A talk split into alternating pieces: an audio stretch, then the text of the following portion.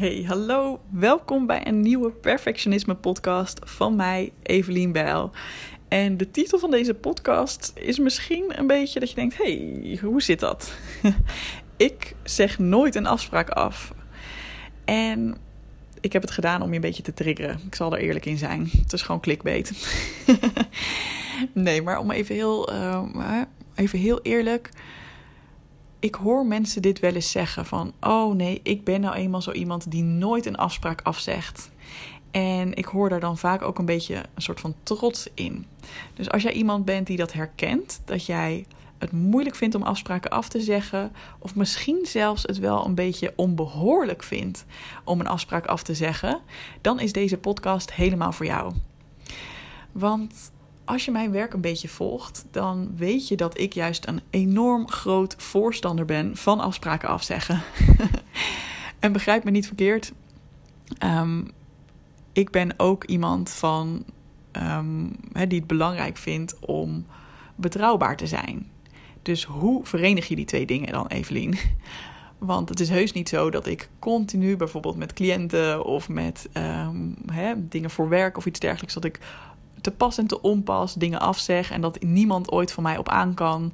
Dat is niet hoe ik in het leven sta en dat is ook echt niet hoe ik in het leven wil staan. Maar wat ik wel heel erg belangrijk vind, is dat, dat je een soort van ruimte voelt, of dat ik in ieder geval een soort van ruimte voel om een afspraak af te kunnen zeggen als dat nodig is. En hier heb ik best wel lang over gedaan. Want ik denk dat ik vroeger ook zo dat zou kunnen hebben gezegd. Van nee, ik zeg nooit een afspraak af. Uh, afspraak is afspraak. Um, weet je wel, ik, betrouwbaarheid staat, stond en staat bij mij een heel hoog vaandel. Maar ik, ik, sloeg daar een beetje in door. Dus ik had echt het idee van ja, dat is gewoon eigenlijk niet de bedoeling dat je ooit uh, ergens op terugkomt. Maakt niet uit hoe je je voelt. Je moet gewoon gaan. Weet je wel? En dat zie ik bij best wel veel mensen die ook bijvoorbeeld starten aan mijn programma Goed Genoeg. Dat ze uh, een ramvolle agenda hebben, want nee zeggen, dat is sowieso al moeilijk. en dan ondertussen zijn ze hartstikke moe, um, maar vinden ze het heel erg lastig om vervolgens wat ruimte voor zichzelf te creëren. Want ze hebben al van alles toegezegd. Ze hebben al van alles beloofd aan alles en iedereen om zich heen. En ja, daardoor kan je ook heel erg het gevoel hebben dat je vastzit in je agenda. En dat kan ook een heel benauwd gevoel opleveren. En ik vind het heel mooi om je eens mee te nemen um, in een andere manier van hier naar kijken. Want vaak zit er een hele goede intentie onder als jij zegt: nee, ik zeg nooit afspraken af. Daar zit vaak iets heel. In de kern zit daar iets heel moois onder. Namelijk, je vindt het waarschijnlijk belangrijk dat je er bent voor anderen.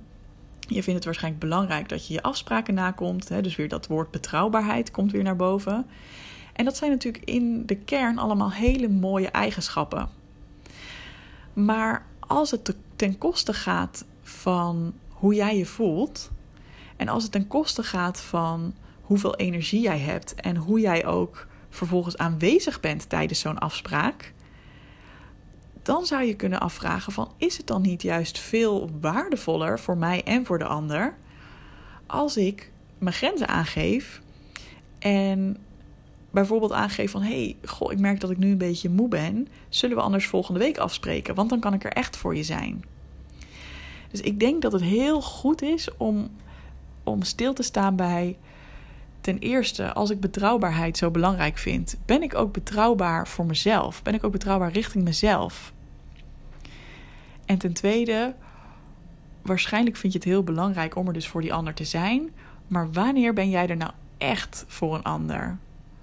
Is het daarvoor niet super belangrijk dat jij er eerst voor jezelf bent en bijvoorbeeld eerst tijd neemt om op te laden en om bij te komen, zodat wanneer je er dan echt bent, dat het ook echt een bewuste keuze is van ja, op dit moment heb ik ook echt zin en tijd om jou te zien.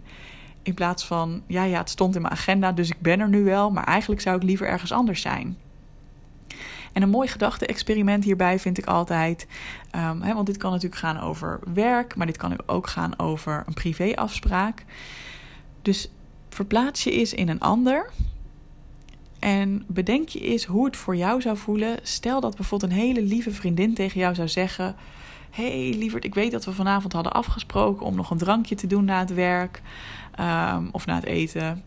En joh, ik merk eigenlijk dat ik hartstikke moe ben. Vind je het goed als we het uh, verplaatsen en dat we volgende week elkaar even zien?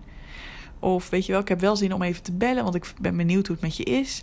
Maar um, ja, afspreken, daar voel ik me nu gewoon een beetje te moe voor. Probeer eens even echt in te denken hoe je dan voelt. Weet je, het kan heel goed zijn dat er dan teleurstelling bij je naar boven komt, want je had je verheugd op de afspraak. Um, het kan ook zijn dat er zelfs een oordeel bij jou naar boven komt van nou nou, lekker dan, we hadden toch afgesproken. En als dat zo is, dan is de kans heel groot dat jij jezelf ook altijd heel streng aan afspraken houdt. Maar dan is weer de vraag: voel jij je daar lekker bij?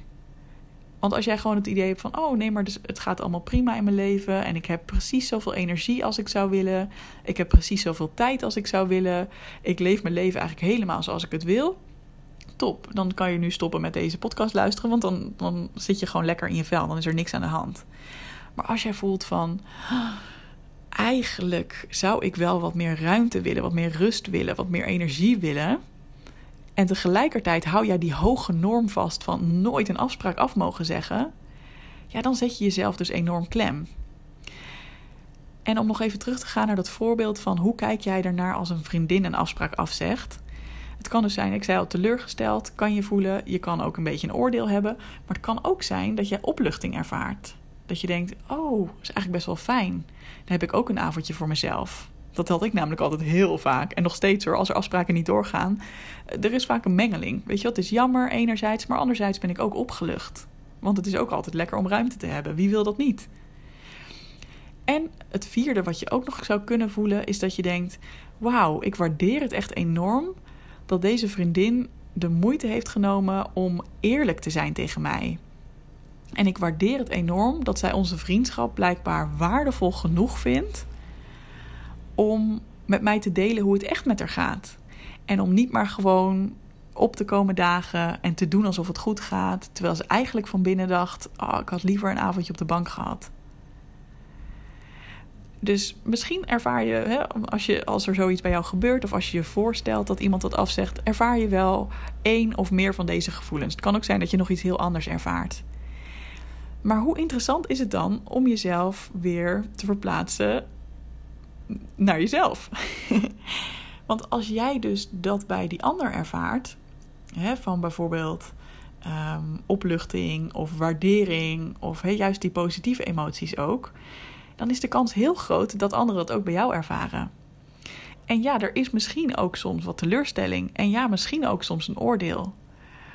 Maar als ik jou vraag van hè, over een jaar, hoe zou je dan liever willen dat jouw leven eruit ziet? Wil je dan meer bewegen richting um, strakker je aan afspraken houden, nog meer afspraken maken, weet je wel?